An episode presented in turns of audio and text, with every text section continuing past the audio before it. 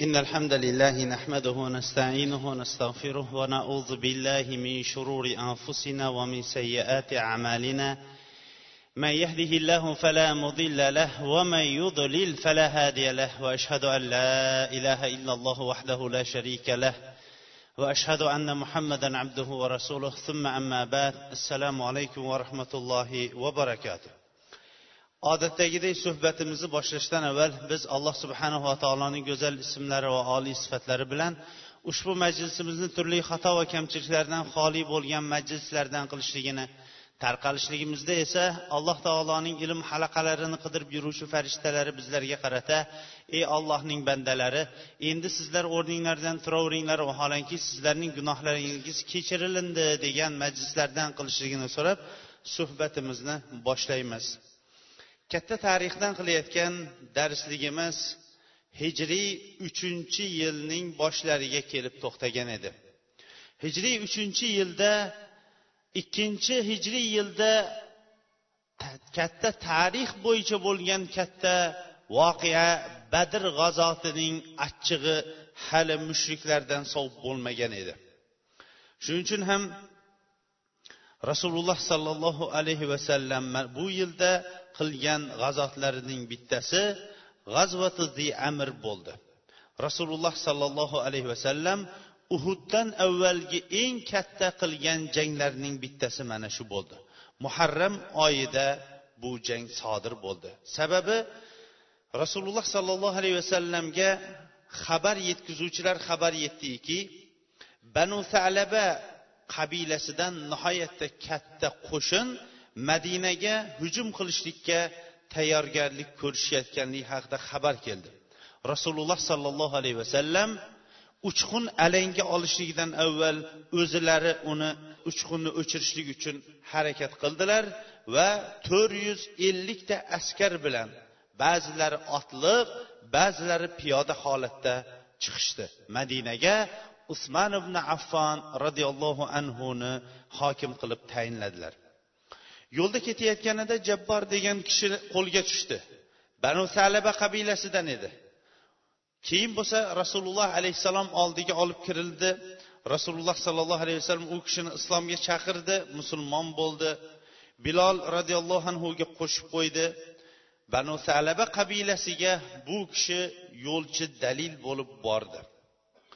Dushmanlar rasululloh sollallohu alayhi vasallamning kelayotganligini eshitgandan boshlab tog' tepalariga cho'qqilariga qochib chiqib ketishdi. Rasululloh sollallohu alayhi vasallam ular to'plangan o'ringa yetib bordi. Zi amr deb ataladigan suvli joy edi. Safar oyining hammasida shu yerda turdi. Hatto atrofdagi mushriklar va arobiylar islomning kuch quvvatini bilishligi uchun keyin bo'lsa madinaga qaytdi. Madina oldida islom va musulmonlarga yahudlardan ham qattiqroq adovatda bo'lgan kabibni ashraf degan kishi bor edi. Bu kishi o'zi arab bo'lishiga qaramasdan rasululloh sollallohu alayhi vasallamga nihoyatda adovati kuchli edi. Rasululloh alayhissalomga aziyat berishlikda atrofda odamlarni chaqirardi. O'zi toy qabilasidan banu nabihon toy qabilasining banu nabihon oilasidan edi. Onasi esa banu nazirdan edi madinaliklardan.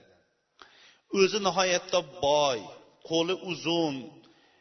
Arablar ichida husnu jamoli bilan nihoyatda tanilgan. Gapga usta u yetmaganday shoir edi. Madinaning sharqiyu janubdagi barcha banu nazir qabilasining barchasiga gapi o'tardi. Musulmonlarning badrda nusrat topganliklari va makka mushuklarining nihoyatda kattalari vafot etganligi xabari kelgan vaqtda u birinchi aytgan narsasi shu gap haqmi? Ular arablarning eng sharaflilari bo'ladigan odamlarning podshohlari bo'ladigan bo'lsa ollohga qasamki agar muhammadning qo'li ularga yetadigan bo'lsa yerning osti ustidan yaxshi bo'lib qolibdi dedi.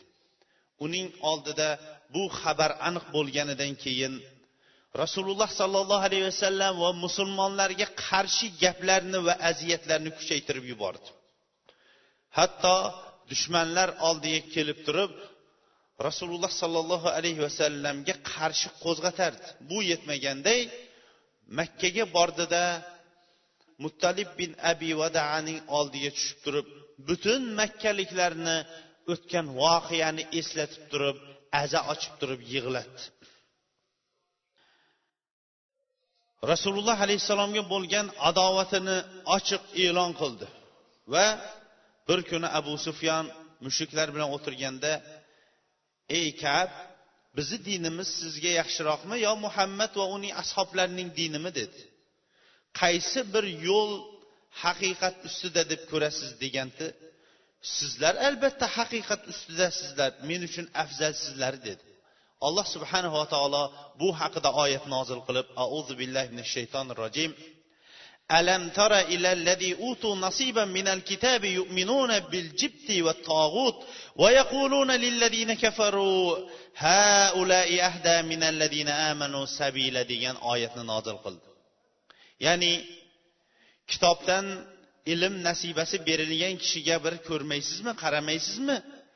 U bu tog'u toshlarga iymon keltiradi va kofir bo'lgan kishilarga aytadi iymon keltirganlardan ko'ra sizlarning yo'linglar haq deb aytayotganini ko'rmaysizmi deydi.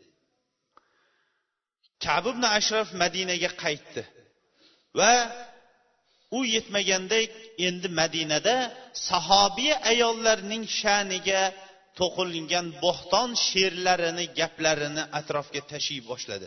O'zining yetti qarish tili bilan rasululloh alayhissalom va musulmonlarga aziyat bera boshladi. Rasululloh sollallohu alayhi vasallam bir kuni kim kab ibn ashraf uchun chiqadi? dedi. Chunki u olloh va rasuliga ozor berdi dedi.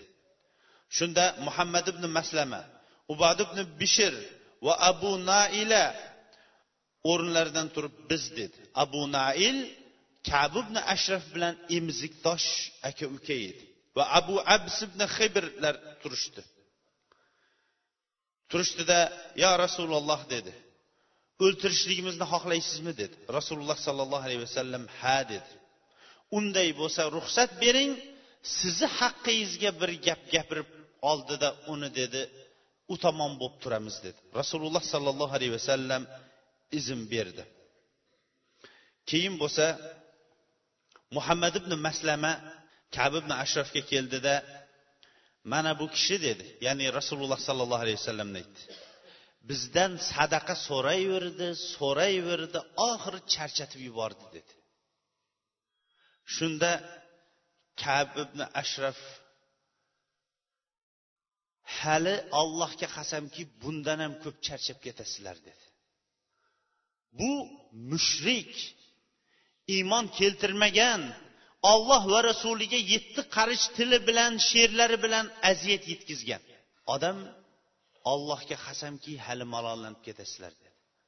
Mana shu ba'zan masjidga yo biron bir boshqa o'rinlarda shu yordam so'ralib qolgan vaqtlarda yordamdan qiynalganlar xuddi kabibni ashrafga aytilingan gapday mana bu kishi bizdan yordam sadaqa so'rayverdi hatto bizni qiynab yubordi deganda allohga qasamki sizlarni yana ham qiynab yuboradi degan gap ko'p yodimizdan o'tib qoladi. Shunda muhammad ibn maslama aytdiki biz bu kishiga ergashib qo'ydik lekin oxir oqibat nima bo'lishligini bilgunimizcha tashlab ketgimiz kelmayapti. Bizga bir yo ikki vasaq bug'doy berib tursangiz dedi. Qarzga. Kabibn ashraf berganim bo'lsin dedi. Shunda muhammad ibn maslama aytdi unga garovga nimani qo'yaylik dedi. Bu habis qarang nimani dedi. Ayollaringlarni garovga qo'yinglar dedi. Shunda muhammad ibn maslama aytdi ayollarimizni sizni oldingizga qanaqa garovga qo'yamiz? Arablarning eng siz go'zali bo'ladigan bo'lsangiz bunda biz omon berolmaymiz ayollarimizda bunda omonatda bo'lmaydi dedi. Unday bo'lsa farzandlaringlarni garovga qo'yinglar dedi. Shunda aytdiki yo'q farzandlarimizni ham garovga qo'yolmaymiz. Ertaga garovdan olganimizdan keyin bir birlari bilan bolalar urushib qoladigan bo'lsa bir yo ikki vasaqqa garovga qo'yilgan falonchi degan nomni bo'xtonni umr bo'yi farzandlarimiz ko'tarib yurishini biz ko'tara olmaymiz buni. Uni o'rniga qurol aslihani sizlarga garovga qo'yaylik dedi. Bo'ladi dedi. Va falon kuni kelishligini kelishib ketishdi. Abu naila ham keldida muhammad ibn maslama qanaqa gapirgan bo'lsa shunaqa gapirdi.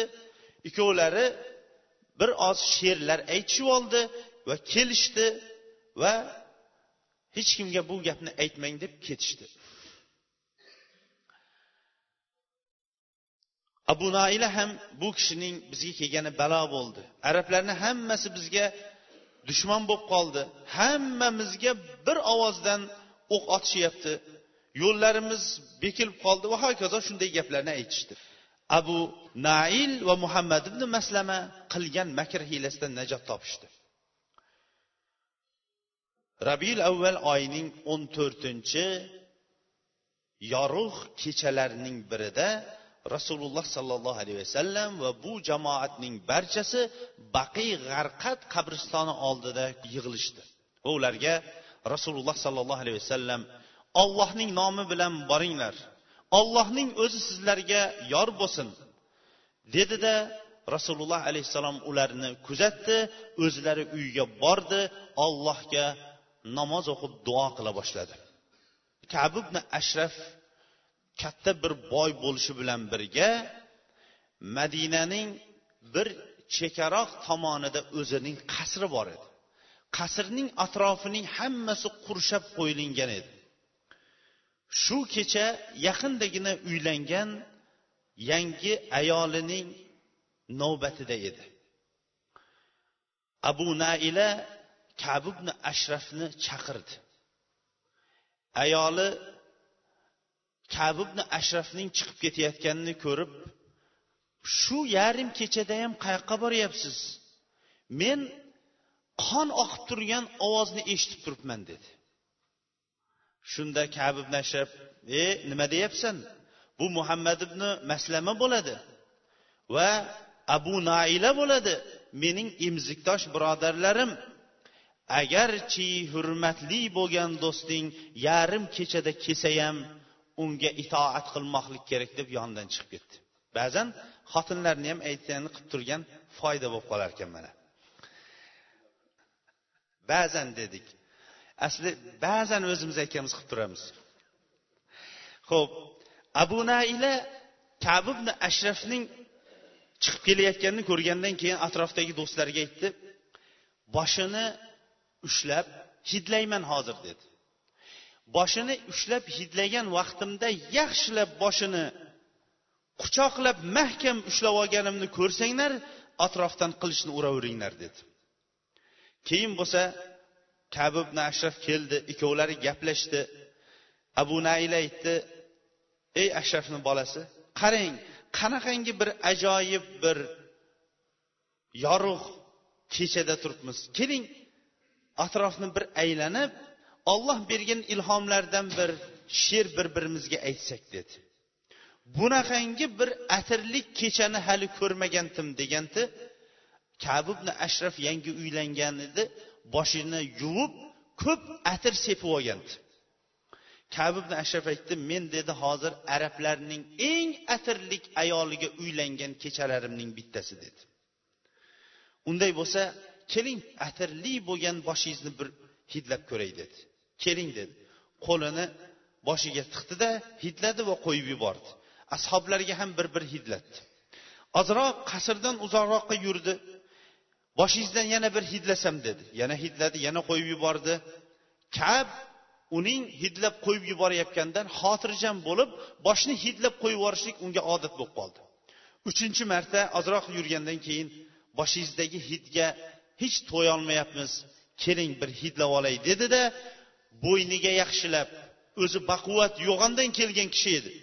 Bo'yniga yaxshilab qo'lini imkon toptirib o'rab oldida do'stlariga aytdi ollohning dushmanini endi uringlar dedi. Barchalari yonlaridagi olib kelgan qilichlarini bir urishlikda urdi. Lekin ollohning dushmani bo'lgan bu habis baquvvat edi. Shunchalari urgan qilich unga ta'sir qilmadi. Muhammad ibn maslamaning o'zi yonidagi tig'ni ko'tardida bo'yin tomoniga qarab urdi. Kab ibn ashraf jon achchig'ida shunaqangi baqirdiki atrofdagi qasrlarning barchasidan darrov chiroq yondi. Bu habis o'lganidan aniq bo'lganidan keyin muhammad ibn maslama va abu nail va do'stlari uning kallasini uzib olib tanasini tashlagan holatda qochishdi. Haris ibn avs do'stlari urgan qilich uning qo'liga ham tegib ancha qon oqib qolgandi ular harratul aridga kelgan vaqtda bir birlarini tekshirishuvdi orqada haris ibn avs qolib ketgan ekan. Kutib turishdi yetib olishdi keyin barchalari baqiy g'arqatga keldida bir ovozdan ollohu akbar deyishdi. Rasululloh sollallohu alayhi vasallam ularning takbirini eshitdi va allohning dushmani qatl qilinganligini bilib keldida yuzlaringiz nurli bo'ldi yuzlaringiz deganda yuzlarimiz nurli bo'ldi ya rasululloh mana huzuringizda ollohning dushmani habisning kallasi deb tashlab yubordi. Yahudiylar kabubni ashrafday buyuk zotning o'ltirilganini bilganidan keyin alanga yana o'chdi atrof tinchib qoldi. Rasululloh sollallohu alayhi vasallam harisning yarasiga tupurib qo'ydi. Yara ko'rmaganday yaxshi bo'lib ketdi. Rabiul axir oyida rasululloh sollallohu alayhi vasallamga yana xabar keldiki atrofda dushmanlar yig'ilyapti degan. Rasululloh sollallohu alayhi vasallam rabiul axir oyida jumadul axirgacha uchinchi yilda g'azvatu bahran degan joyga uch yuz kishilik yurish qildilarda u yerdagi dushman ham rasululloh alayhissalomni kelayotganini ko'rib qochib ketdi. Biron bir kishi bir biriga yo'liqqani yo'q. Hijratning uchinchi yili yoz kelib qoldi. Quraysh ahli yozda hijozdan o'tib shom diyorlariga bugungi kundagi urdun suriya iordaniya diyorlari shom diyorlariga borib turib savdo qilardi. Qishda bo'lsa afrika diyorlariga borib turib savdo qilardi. Bug'doy insonlar uchun yeyish ichish uchun kerak bo'lgan barcha oziq ovqatni yozda shomdan qishda afrikadan olib kelardi. Va har yili katta karvonboshi saylanardi. O'sha karvonboshi butun makkaning iqtisodiy moliyaviy ahvolini ko'targan holatda tilla kumushini ko'tarib don dun va boshqa kerakli narsalarni ko'tarib kelardi. O'tgan yili badr g'azotida bu dondunni ko'tarib keladigan boshliq kim bo'ldi? Abu sufyon. Bu yil safvon ibn umayyani quraysh o'zlarining oziq ovqatini olib kelishlik uchun boshchi qilib saylab qo'ygandi. Lekin ahvol yaxshi emas. Rasululloh sollallohu alayhi vasallam va ashoblari butun shomning yo'lini egallab bo'lgan edi. Safvon ibn umayya makka mushriklarining barchasini yig'dida muhammad va uning ashoblari butun atrofni olib bo'lishdi. Dengiz sohilidan yuramiz desak dengiz sohilidan ham yurolmaymiz. Sohildagi ko'pchiligi musulmon bo'lib ketdi. Endi qana qilib men karvonni olib borishga boshim qotib turibdi dedi. Ammo bu yil karvon chiqmaydigan bo'lsa qo'limizdagi molning boshini ham yeb qo'yamiz. O'tirishga hojat yo'q. Tijoratsiz esa makkada hayot yo'q dedi. O'rtada har kim ko'pchilik emasmi? O'zlarining fikrlarini bera boshladi. Shunda asvad ibn abdul muttalib safvonga aytdi siz uchun dedi sohil yo'lini emas dedi. Iroq yo'li bilan shomga o'tadigan yo'l bor. Lekin bu yo'l nihoyatda uzun va mashaqqatliroq yo'l. Bu yo'lni hamma ham bilavermaydi dedi. Siz madinaning sharqiy tomonidan o'tib ketasiz dedi. Va safvon bu yo'lni bilmasligini aytgan vaqtda banu bakr qabilasidagi firot ibn hayyonni o'zingizga oling. Bu kishi yo'lni biladi dedi. Qo'yingki safvon ibn umayya butun makka ahlining iqtisodini ko'targan holatda haligi maslahatga hammasi kelishganidan keyin karvonni olib chiqdi. Lekin oyni etak bilan to'sib bo'lmaydi. Madinaga bu xabar ham yetib keldi. Sulayd bin numan musulmon bo'lgan edi lekin islomini oshkor qilmagan edi. Bu vaqtda hali mast qiluvchi ichimlik harom qilinmay turgan edi. Naim ibn musvadil ashjai ham hali musulmon bo'lmagan edi bu kishi. Bu ikkovlari jamlanishdida mast qiluvchi ichimlikni ichadigan joyda bir bir ko'tarib olgandan keyin naim ibn masudin ashjai bu ketayotgan karvonning butun ikir chiqirigacha sulayt ibn nomanga xabarini aytib qo'ydi. Sulayt roziyallohu anhu payg'ambar alayhissalomga bu xabarni tezlik bilan yetkazdi. Rasululloh sollallohu alayhi vasallam va musulmonlar uchun ham bu nihoyatda oltinga teng bo'lib turgan vaqt edi. Fursatni boy bermasdan yuzta otliqni tayyorladi. Zayd ibn harisni boshchi qildida ular orqasidan yubordi va zayd ibn haris ham karvonga to'satdan yetib borib ularga o'ylamagan joyda to'satdan hujum qildi. Ular najd diyorlaridagi qarda degan suvli joyda dam olishib turgan edi. Zayd roziyallohu anhu karvonning barchasini qo'lga oldi. Safvon va u bilan bo'lganlar qochib ketdi. Faqatgina bir ikkitagina odam asirga tushdi. Mol dunyo shunday qolib ketdi. Qo'lga tushganlar furot ibn hayyan deyishgan ekan. Ya'ni yo'lni ko'rsatib beruvchi kishi. Va ba'zilar yana ikki kishi qo'lga tushgan. Nihoyatda katta oltin kumushlardan iborat bo'lgan idish tovoqlar bilan iborat bo'lgan karvonni ular olib kelishdi. Ularning qiymati taqriban yuz ming dirhamga to'g'ri keladigan katta mablag' edi. Rasululloh sollallohu alayhi vasallam xumusni olganidan keyin chiqqanlar uchun bu o'ljani bo'lib berdi. Endi bir tasavvur qiling. Makka ahli kechagina badr g'azotida o'zining eng kattalarini dafn qilib qaytgan bo'lsa endi ishongan mol dunyo iqtisodini endi topshirib keldi.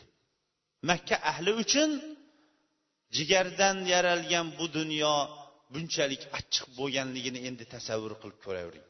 Butun makka ahli boshlarini motamdan ko'tarolmay qoldi. Endi quraysh uchun oldida ikkita yo'l bor edi. Birinchi yo'l musulmonlarga taslim bo'lish. Boshini egib sizlar haq ekansizlar kelinglar endi murasai madoriga kelaylik deyishlik yo'li bor edi. Bitta yo'li birinchisi bu. Ikkinchi yo'li otdan tushsa ham egardan tushmaslik obro'yini saqlab qolishlik uchun bor kuch quvvatini yig'ib turib ularga hujum qilgan holatda musulmonlarning shavkatini butunlay yo'qotib ham din ham yo'l ozodligini olib kelishlik ikkita yo'li bor edi. Otdan yiqilsa ham egardan tushmagan quraysh mushriklari ikkinchi yo'lni tanlashdi. Borliq kuchni to'playmiz ana undan keyin esa musulmonlarga hujum qilamiz degan qarorga ular kelishdi. Bu hujum yer kurasi uchun mashhur bo'lgan musulmonlar uchun dars bo'lgan uhud jangining bo'lishiga sabab bo'ldi. Shu kundan e'tiboran quraysh ahllari uhud jangiga tayyorgarlik ko'ra boshladi. Musulmonlarning badrda yetgan g'alabasi undan keyingi g'alabadan keyingi o'rtada bo'lgan janglar undan keyingi kattalarini ko'mganligi va hokazo eng oxirgisi butun yiqqan dunyosini oldirib qo'yganligi ularni alangada yoqib turardi. Ikrimat ibn abi jahl safvon ibn umayya abu sufyan ibn harb abdulloh ibn abi robia va shunga o'xshagan nihoyatda katta katta qolgan qurayshning kattalari odamlarning barchasini jangga chaqira boshladi. Ular jang qilishlari uchun katta mablag' kerak edi. Katta mablag'ni eng birinchi mablag'ning ustuni bo'lsin deb turib abu sufyon o'tgan yili olib kelgan badrda omon qolgan karvonni boshini ular ushlab olishdi. Mana shu yo'qolmay tursin mana shu bilan biz musulmonlarga qarshi jang qilaylik dedi. Gapni birinchi abu sufyon boshladi. O'zi bilan birga mollari bo'lganlarga ey quraysh ahllari muhammad sizlar uchun bir qoqqan qoziqday bo'lib qoldi. Yaxshilaringlarni o'ltirdi. Mana bu mol bilan bizlarga yordam beringlar. Ajabmaski biz qasosimizni olsak dedi. Mol egalari ham rozi bo'lishdi. Kelgan molu davlatni sotishdi. Yig'ilingan mol mingta tuya va besh yuz mingta dinor bo'ldi. Yo olloh bozorda asal sotayotgan odamni oldidan o'tib ketayotgan bir asalchi vo ajabo asalni ham sotadimi? degan ekan. Vo ajabo najot topgan karvonni yemasdan ichmasdan turib sotib olloh va rasuli va musulmonlarga qarshi infoq qilayotgan odamlarga biron bir kishi vo ajabo degani yo'q o'sha vaqt.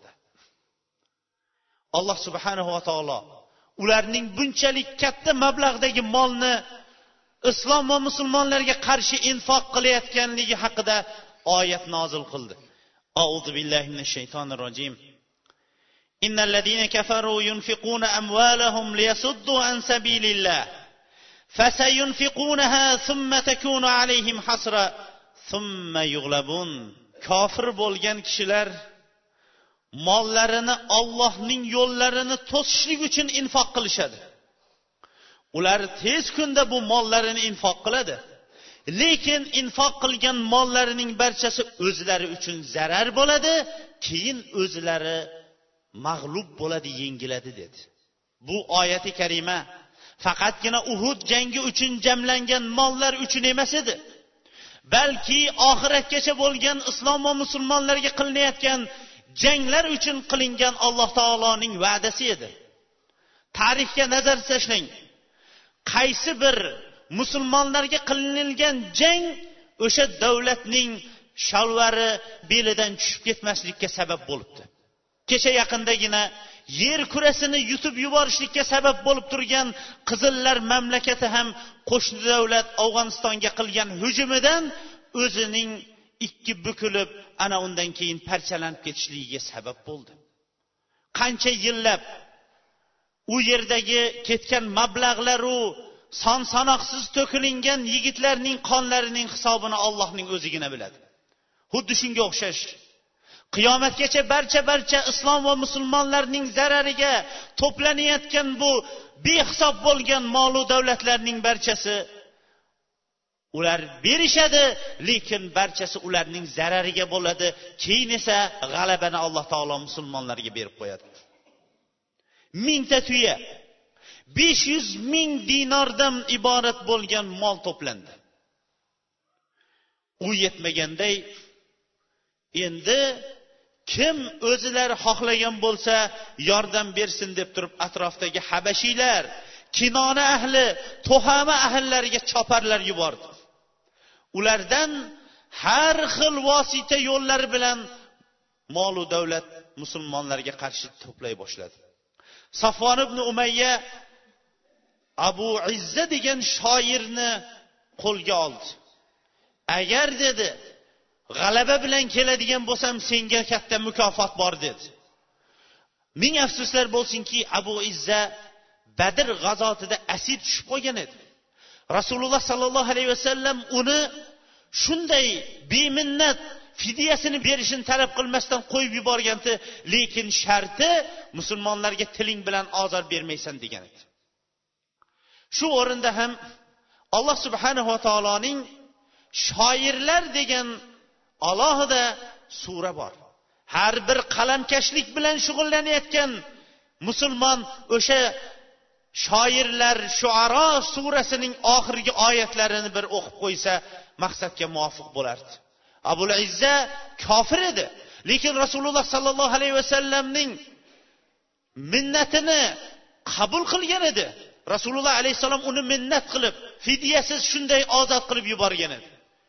Sharti musulmonlarga ozor bermasligi. Lekin u bu ahdu paymonni unutdi. Berilingan va'da qilingan hadya sababli ahdu paymonni unutdida musulmonlarga qarshi bo'lgan she'rlar to'qib ayta boshladi. Odamlarning barchasini uhud jangiga tayyorgarlik ko'rishlik bunda mollariyu jonlarini sarflashlik haqida insonlarni targ'ib qila boshladi. Alloh subhanava taolo shoirlar surasining oxirida nima deydi? Ko'p shoirlar molu davlatga sotilishligi ko'p shoirlar molu davlat obro' uchun ketib qolishligi faqatgina taqvo bilan turganlar haqni aytishligi haqida bizlarga bayon qildik. Bugungi kunda ham xuddi shunaqa. Abu sufyon saviq g'azotidan keyin ham to'xtamasdan odamlarga musulmonlardan o'chini ololmaganligi uchun ham qattiq harakat qilardi. Qo'yingki makka mushriklari badrdan keyingi eng katta qilgan harakati uhud jangi uchun tayyorgarlik ko'rishlik bo'ldi. Yil tamomiga yetgan vaqtda mushriklardan uch mingta tayyorgarligi nihoyatda mustahkam bo'lgan qurol aslihalar bilan barchasi qurollangan askar saf tortdi. Ular o'zlari bilan ayollarni ham olib agar jon qon nomusi og'irlik yengillik qiladigan bo'lsa iffat nomusi uchun turib beradi deb ayollarni ham olamiz dedi. Ayollar taqriban o'n beshta ayol bor edi. Qurol aslihalarini ko'tarib yuradigan uch mingta tuya olishdi. Ikki yuzta otliq va yetti yuzta o'zlari uchun qalqon asbob uskunalar ortig'i bilan. Umumiy qo'mondon abu sufyon ibn harb bo'ldi. Otliqlarning boshlig'i esa xolid ibn valid bo'ldi. Ikrimat ibn abu jahl u kishining yordamchisi bo'ldi.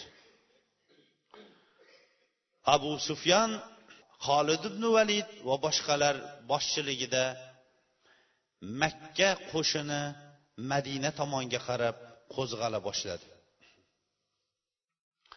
Abbos ibn abdul muttolib rasululloh sollallohu alayhi vasallamga bu qo'shinning makkadan chiqib ketganligi haqida xabarni yetkazdi.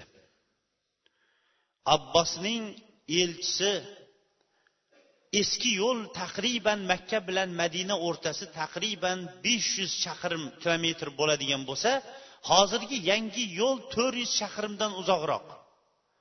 Eski yo'l bilan abbos roziyallohu anhuning elchisi rasululloh sollallohu alayhi vasallamga xabarni uch kunda yetkazdi.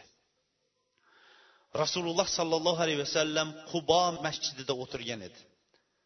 Ubay ibn kab xatni o'qidi.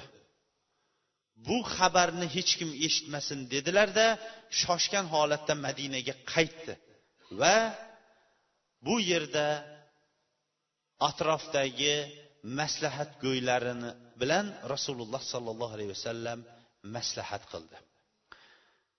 Alloh nasib etsa inshaalloh maslahat nimaga kelib to'xtaganligi va jang maydoni rasululloh sollallohu alayhi vasallamning boshlari yorilishligi tishlari to'kilishlik va hokazo musulmonlar uchun kelgan katta bir imtihon kelgusi darsimizda inshaalloh bayon etamiz.